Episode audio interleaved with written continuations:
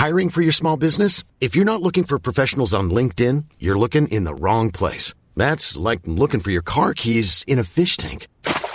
LinkedIn helps you hire professionals you can't find anywhere else, even those who aren't actively searching for a new job but might be open to the perfect role. In a given month, over 70% of LinkedIn users don't even visit other leading job sites. So start looking in the right place. With LinkedIn, you can hire professionals like a professional. Post your free job on linkedin.com slash people today.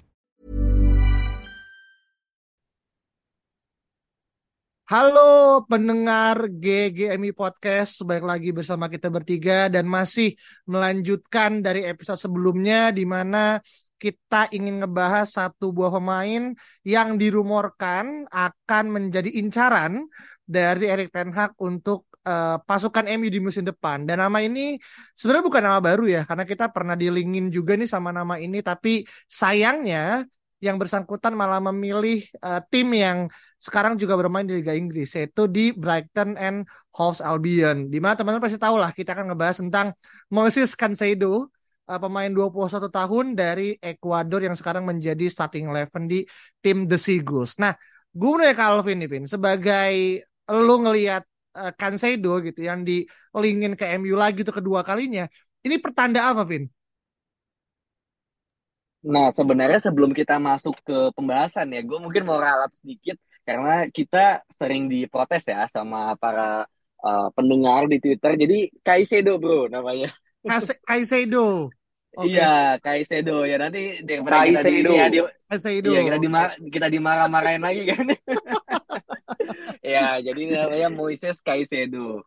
Nah, ini gua sih sebetulnya ya ngelihat Kaisedo ini agak dilema gitu karena satu sisi harganya mahal banget sekitar 70-80 juta dan kemarin sempat dealingnya kan sama Arsenal ya kalau nggak salah. Cuma nggak jadi dilepas karena Arsenalnya memilih untuk belinya Jorginho.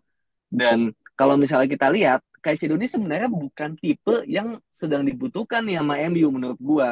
Karena yang dibutuhkan MU adalah gelandang yang bisa membagi bola gelandang yang bisa menjadi kreator yang bisa mengambil bola dari lini pertama dari kiper kemudian bawa dribble ataupun passing.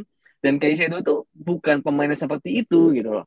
Caicedo adalah tipe pemain yang box to box seperti Fred, seperti McTominay tapi ya mungkin lebih bagus lagi lah gitu karena lebih muda, passingnya juga lebih bagus, kerja kerasa lebih bagus gitu. Tapi kalau apakah dia adalah yang harus sekarang banget kita ambil? Nah, itu menurut gue sih bukan ya gitu.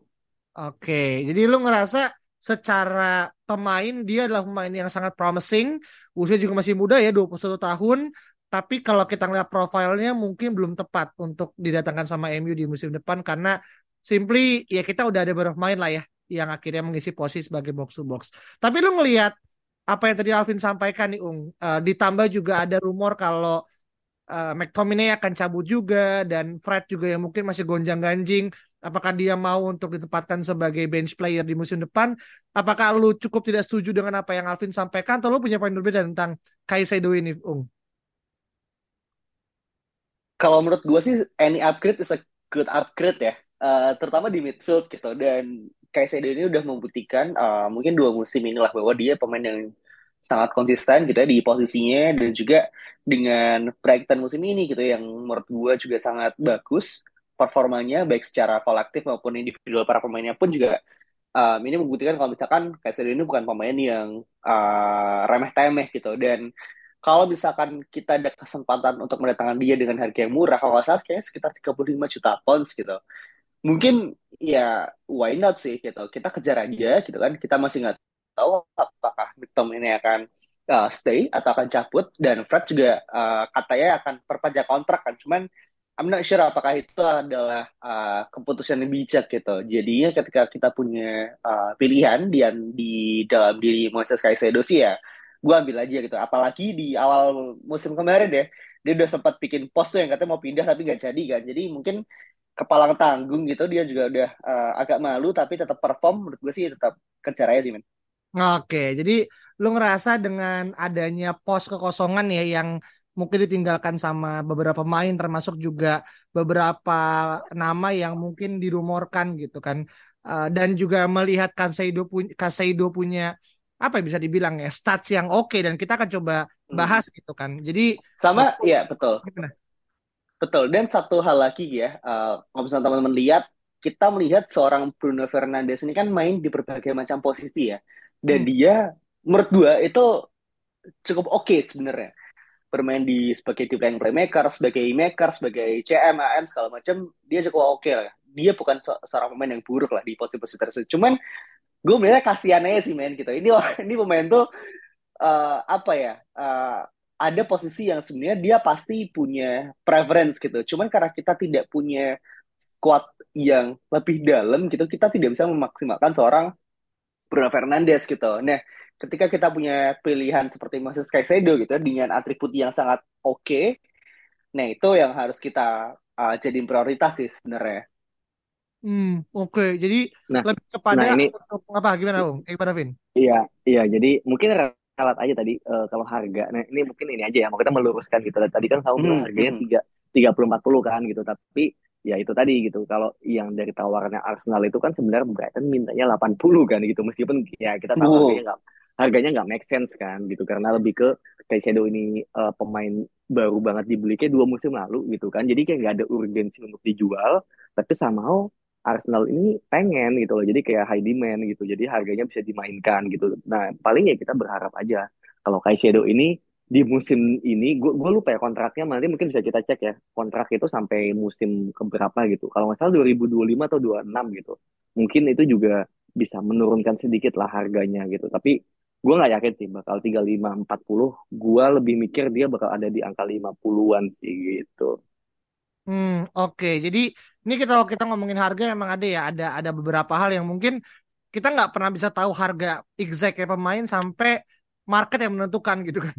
Dan kita tahu ya bagaimana Brighton juga menentukan Casado juga dengan harga yang nggak cukup mahal ya untuk pemain yang bahkan ketika awal rumornya di ada kan sebenarnya Antonio Valencia kan sempat merekomendasikan kan ke MU ya dalam arti ke representatif MU tentang bagaimana uh, Caicedo ini punya uh, potensi lah gitu. Tapi kayaknya mungkin saat itu uh, belum cukup didengarkan uh, karena juga kita bisa kalau nggak salah investasi sama Facundo Pellistri ya uh, di beberapa musim ke belakang dan somehow mungkin saya itu ngerasanya agak cukup kurang gitu kan. Dan mungkin itu jadi satu alasan kenapa kita nggak capturing uh, Caicedo gitu. Tapi sekarang kan dia udah terbukti nih sebagai EPL proven. Dia juga bahkan mengantarkan Brighton uh, ya ber apa ya bersaing ya di posisi 567 gitu kan. Dan jangan kaget kalau misalkan Brighton akhirnya mungkin bisa uh, duduk ya di papan atas gitu kan. Let's say peringkat 5 atau peringkat 6 mungkin harganya kan lebih tinggi gitu. Karena dia juga pasti tahu lah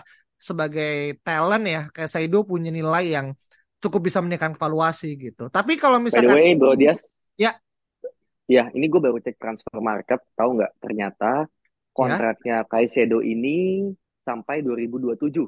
Oke. Dan ada opsi tambahan satu tahun dan dia ternyata baru perpanjang kontrak itu 3 Maret kemarin, 3 Maret 2023 kemarin. Jadi memang dari sisi kontrak masih jauh banget 2027 dan kayaknya gue nggak merasa ya bahwa ini tuh akan segera dilepas untuk uh, ke tim lain ya kecuali harganya memang 50 60 70 gitu dan gue nggak yakin MU dengan gonjang-ganjing penjualan yang masih begini ya dan masih bakal membeli pem, pemain premium lainnya ya kayak di Young Bellingham mungkin atau yang lainnya gitu bakal kita ke Caicedo meskipun ya gue pun tempting sama dia karena mungkin satu hal Caicedo ini bisa main di DM Nah, ini DM ini kan sebenarnya krusial juga ya, mana kita tahu kalau Casemiro nggak ada, itu goyang banget nih kita. Gue merasa Caicedo ini somehow bisa menjadi pemain yang menggantikan perannya Casemiro gitu. Jadi somehow kalau misalnya kita punya Caicedo, kita bisa punya gelandang pekerja keras box to box di tengah, dan kalau Casemiro ada something, dia juga bisa menggantikan Casemiro gitu. Jadi kayak ada dua posisi itu udah bisa fulfill, itu sih sebenarnya. Oke, jadi kalau lu ngerasa emang perannya Caicedo ini bisa jadi dua ya. Satu sebagai pelapis, satu lagi sebagai pendamping gitu kan tergantung dari kebutuhan yang emang dihadapkan sama Ten Hag di musim depan gitu. Dan kalau ngomongin masalah kontrak ya tentu kalau kita ngelihat pemain dengan kontrak yang masih sisa berarti berapa? 2027 4 tahun lagi ya. Uh, berarti kan itu kan suatu hal yang kalau secara harga nggak ada urgensi untuk uh, Brighton melepas dia gitu kan apalagi dengan harga murah gitu. Pun kalau dia pindah menurut gua ya gitu ini pasti akan terjadi perang harga gitu kan di antara siapa pun dan besar kemungkinan kalau Brighton juga dengan kondisi yang lebih baik gitu kan posisi dia main di eh, zona Eropa gitu ya ngapain juga untuk dicabut gitu tapi yang menarik gini sebenarnya ketika kita ngomongin masalah Brighton sebenarnya kan di musim ini ada satu nama lainnya yang akhirnya diincar juga nih katanya selain Caicedo dari Brighton adalah McAllister ya di mana uh, pemain hmm. Argentina ini kan juga katanya juga akhirnya di quote unquote ya double price tag lah sama MU gitu kalau untuk dua orang ini gitu kan. Tapi itu bisa kita uh, diskusikan lain ya untuk uh, McAllister gitu. Tapi kalau misalkan balik ke Caicedo sendiri gitu, ketika tadi lu ngerasa dia adalah pemain yang serba bisa tapi mungkin prioritasnya mungkin kurang. Nah, pertanyaan gue ke Saung adalah kalaupun akhirnya kita harus ngebit ke Kaisedo gitu, apakah hmm. lu ngerasa dia adalah pemain yang tepat untuk bisa langsung bermain sebagai posisi starting atau lu ngerasa dia ya akan masuk dari bangku cadangan dulu nih? Karena kalau menurut gue dengan uang yang kita keluarkan let's say di angka 70 80 tapi dia nggak bisa menggantikan let's say perannya Erikson untuk bermain sebagai starting menurut gue kayak agak wasting money aja gitu. Nah lu ngerasa lu gimana ngelihat akhirnya Kaisedo misalkan nanti akan datang ke MU? Iya, kalau misalnya di angka 70-80 sih mendingan ditabung buat beli yang lain ya bro ya. Karena uh, di harga segitu tuh kualitas yang lu offer harusnya sih bukan selevel bench player lagi, tapi emang udah jadi starting eleven gitu. Dan uh, kita gue rasa tidak ingin kecewa ya dengan price tag yang tinggi tapi uh, atribut yang dimiliki so-so gitu mungkin ada beberapa pemain yang di apa ya yang di tim ini tuh kayak misalkan dari Maguire mungkin atau Anthony yang sekarang sedang riskan menurut gue dengan justifikasi price tag-nya yang belum dapat apa ya uh, menjadikan sebuah pembenaran gitu bahwa 100 juta itu tuh cocok untuk uh, pemain seperti Anthony. Nah, Kaisedo ini gitu. Kalau misalnya di angka 80 juta, gue rasa sih dia tidak worth the price gitu. Tapi kalau misalkan tadi gue bilang angka yang masih di bawah 50 juta itu masih bisa di uh, consider gitu. Tapi kalau misalnya udah 70-80, gue rasa uh, Ten, Ten Hag dan juga board United nantinya siapa pun itu pasti akan lebih memilih uh, nama-nama yang lebih besar sih. Mungkin Jude Bellingham. Hmm, nah ini namanya nama-nama premium ya. Yoi. Kira kira juga ya mungkin lebih kepada preferensi kali ya kayak kita punya uang dan ini pun juga sekali lagi ya yang kita bicarakan ini akan sangat depending pada siapa pemilik MU di uh, musim panas nanti gitu.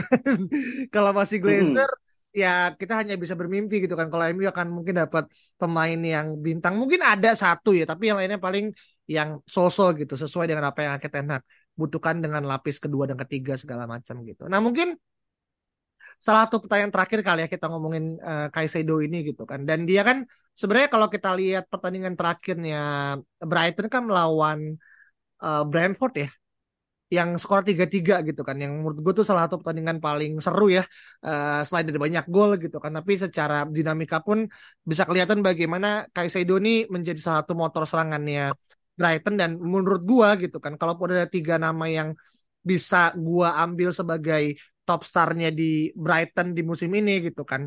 Satu uh, satu adalah uh, Mitoma dua adalah Kaisedo sama ketiga adalah McAllister gitu. Di mana tiga nama ini memiliki sirkulasi transfer yang sangat tinggi gitu.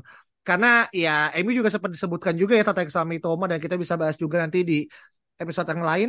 Tapi terakhir gue mau nanya ke Alvin. Kira-kira dari angka 0 sampai 10 chanceability-nya dia untuk akhir datang ke MU dengan segala bentuk dinamika yang terjadi di angka berapa tuh Vin? Untuk lu sendiri ngelihatnya Vin? Kalau misalnya kayak Shadow ke MU ya, meskipun gue sangat ingin ya dan again ya gue selain melihat harganya lebih kepada um, bagaimana versatility dia gitu. Karena untuk mencari seorang cover Casemiro gitu itu susah. Karena untuk menjadi cover Casemiro berarti kan tugasnya berat gitu harus bisa jadi DM tapi satu sisi gitu dia juga bakal jarang main gitu loh. Nah untuk mengakali jarang mainnya ini kan berarti dia harus bisa main di posisi lain yaitu CM yang mana mungkin lebih kepake lah daripada jadi DM yang uh, penggantinya Casemiro gitu. Jadi memang mencari profil seperti ini itu kan susah banget. Dan gue merasa Caicedo adalah orang yang bisa gitu sama bermain di samping Casemiro ataupun menggantikan Casemiro gitu. Jadi secara ideal tuh gue melihat dia sebenarnya cocok banget. Tapi secara uh, apa namanya realistis, gue tidak melihat sih lebih kepada tadi kontraknya dan juga price tag-nya yang um, kalau misalnya masih dibanderol 70-80 sih, kecuali ya Caicedo-nya minta uh, transfer ya kayak Sancho yang emang benar-benar minta ditransfer, mungkin harganya bisa turun. Tapi kalau misalnya kita juga masih banyak kebutuhan ya, gue nggak merasa bahwa ini akan menjadi transfer yang terjadi musim ini. Toh kalaupun nanti nggak musim ini mungkin udah diambil juga sih musim ini sama orang lain. Mungkin ke Liverpool ya gitu yang mana Liverpool benar-benar butuh pemain gitu loh. Jadi uh, sangat mungkin juga dia bakal diambil sama tim lain gitu. Jadi gue melihatnya uh, tiga sih Hmm, Oke, okay. tiga dari sepuluh yang mana itu angkanya kecil. Nah, tapi kalau sebelum gue ke Saung yang mana gue berharap angkanya bisa jauh lebih beda ya. tapi kalau kita lihat mm. WhoScored.com sebenarnya ke, ke, kelebihan dia kan tuh ada di areal duels, tackling, concentration, uh, ball interception gitu kan. Yang mana ini tadi yang Alvin bilang gitu kan. Dan kalau kita lihat ya secara uh, statistik gitu kan posisi yang paling banyak dia tempatin itu di DMC gitu, defensive midfielder gitu kan. Dan keduanya adalah sebagai uh, CM gitu. Yang ratingnya juga menurut gue sih nggak cukup ya nggak beda jauh ya di DM dia ratingnya rata-rata 7,1 di CM sebagai 6,7 gitu. Ya menurut gue sih not bad ya pemain yang masih muda gitu kan 21 gitu yang sellingnya juga sangat tinggi tapi untuk lu sendiri Ung punya pendapat beda nggak apa kalau juga ngeliat tiga atau lu lebih sumringah dengan Cancelo ini terlepas dari mungkin banyak uh, drama yang akan terjadi gitu? Iya kalau tiga uh, terlalu kecil ya. Cuman gue paham lah concern dari Alvin di mana gitu. Tapi kalau dari gue justru mungkin lebih ke sisi eksternal sih. Maksudnya di luar dari Brighton dan juga Caicedo ada uh, possibility di mana kita mungkin akan susah nih untuk menggait uh, nama-nama besar di midfield gitu. Karena uh, seperti yang kalian tahu Jude Bellingham juga pasti akan banyak ya banyak diincar oleh beberapa klub gitu kan. Frank De Jong gue rasa juga udah pupus harapan itu dan juga uh, siapa lagi maksudnya pemain-pemain di di tengah tuh nggak banyak sekarang. Sementara kita masih punya uh, concern di striker dan juga uh, back dan juga kiper gitu mungkin. Jadi gue akan cukup paham apabila nantinya gitu Ten dan juga board ini apa ya uh, akan go to the quick fix gitu. Dan Kaisedo itu yang menurut gue itu adalah nama yang cukup uh, sesuai dengan uh, apa yang kita miliki sekarang gitu. Sikonnya seperti apa itu dia lebih masuk. Karena kembali lagi dia PL proven dia main di uh, Brighton dengan performa yang cukup oke. Okay. sementara harga gue rasa mungkin masih bisa dinego gitu kan. Ketika United ketuk pasti antara harganya jadi jelek banget atau jadi uh, tinggi banget gitu dan itu akan uh, it, it's a whole different case lah cuman ketika kita bilang soal atribut dan juga technical ability kayak ada di sana sih men Hmm, hmm, I see. Berarti ini emang akan menjadi saga yang panjang ya. Yeah. Karena tentu Betul. untuk nama pemain dan juga harga yang diangkat di atas 50 ya ini nggak akan mudah lah. Apalagi kita tahu ya kalau misalkan masih Glazer pasti akan dragging sampai mungkin match week ketiga ya. Kayak Casemiro gitu. baru yeah. kalah dua tiga kali baru kita akan datang main dan menurut gue sih jangan sampai ya kesalahan terjadi di awal musim ini turun lagi gitu kayak jatuhnya tuh kayak jadi panic buying kan makanya banyak orang kata pertama bilang apakah datanya Casemiro tetap masuk panic buying atau enggak dan se sekarang mungkin kita bisa bilang enggak ya tapi pas di awal musim kita bisa bilang mungkin iya karena kondisi MU yang saat itu bahkan masuk ke zona degradasi di peringkat hmm. 14 gitu kan. Jadi ya kita mudah-mudahan ya apa pun yang terjadi semoga yang terbaik gitu kan. Dan kalau teman-teman nanti pun kita nggak akan dapatkan Seido, gue rasa gini, Kaseido itu ada di tier 2. Tier satunya tetap De Jong, terus juga mungkin uh, Bellingham, atau mungkin uh, melipirnya ke Gravenberch ya. Ya kita juga mungkin bisa ngebahas juga nanti gitu. Tier keduanya Kaseido gitu. Dan beberapa nama gitu. Atau kalaupun ini gagal ya kita mungkin masuk ke tier ketiga. Contoh nama-nama kayak Ruben Neves gitu ya. atau mungkin Unity Elements gitu yang sering kita Ruben Neves nanti rebutan rebutan selebrasi sama Rashford pak berantem di training ground tuh atau saling ada hadapan gitu kan iya iya iya iya kita oh, kita melihat lah bagaimana kondisi dan apa yang terjadi dan kalau misalkan teman-teman punya pendapat yang berbeda dan juga punya hal yang mungkin teman-teman rasa ada profiling di Kaiseido yang tadi belum sempat kita bahas, silahkan langsung reply aja di Twitter kita at Podcast. Follow Spotify kita ada kasih bintang 5 serta yang terakhir kita punya pengumuman nih teman-teman. Ada yang baru di GGMU yaitu kita sekarang punya link Saweria. Nah, mungkin kalau teman-teman yang bingung dan mungkin baru pernah mendengar sekali apa itu Saweria, kasarnya Saweria adalah platform di mana para content creator itu bisa apa ya mendapatkan apresiasi lah dari para pendengar dan kita tahu mungkin di sini ada banyak ya pendengar dari GGMI Podcast yang udah dengerin kita dari tahun 2021 sampai dengan sekarang gitu dan kalau teman-teman ingin uh, mungkin memberikan kontribusi dan juga apresiasi bisa banget langsung scan aja uh, barcode link yang kita udah taruh juga di Twitter, di Instagram dan silakan teman-teman akhirnya memberikan apresiasi ke kita dan kita akan terus memberikan yang terbaik buat uh, pendengar GGMI Podcast di luar sana. Itu aja, kita ketemu pada episode berikut ya. Bye bye. Hey, it's Paige DeSorbo from Giggly Squad. High quality fashion without the price tag. Say hello to Quince. I'm snagging high-end essentials like cozy cashmere sweaters, sleek leather jackets, fine jewelry, and so much more. With Quince being 50 to 80% less than similar brands. And they partner with factories that prioritize safe, ethical, and responsible manufacturing. I love that. Luxury quality within reach. Go to quince.com slash style to get free shipping and 365-day returns on your next order. quince.com slash style.